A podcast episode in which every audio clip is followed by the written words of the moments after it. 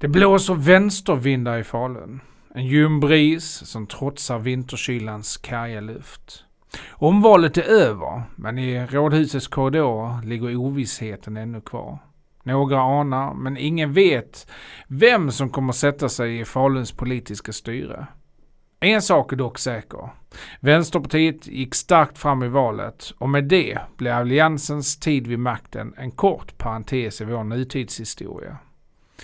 Torget, som bara för en vecka sedan myllrade av aktivitet inför omvalet, ligger nu tyst och stilla och myllret av försynta röster har förflyttats inomhus. Förhandlingarna pågår och det prasslas i papperna över mandatfördelningar i nämnder och styrelser. Men inget parti har egen majoritet i Falun och samarbeten behövs skapas. Vi är inne i givandet och tagandets tid. Hur står Vänsterpartiet i detta?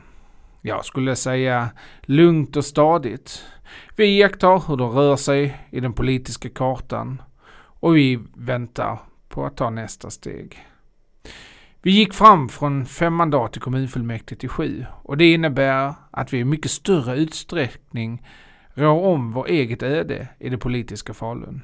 Vårt mål är inte att styra Falun för styrandets skull. Vårt mål är att agera och samordna vår politiska kraft så att styrningen leder åt rätt riktning.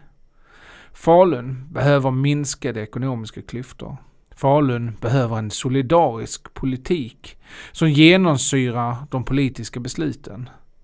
Vi vet att vårt främsta vapen är vår argumentation och att våra förslag är förankrade i ideologiska ställningstaganden och värderingar.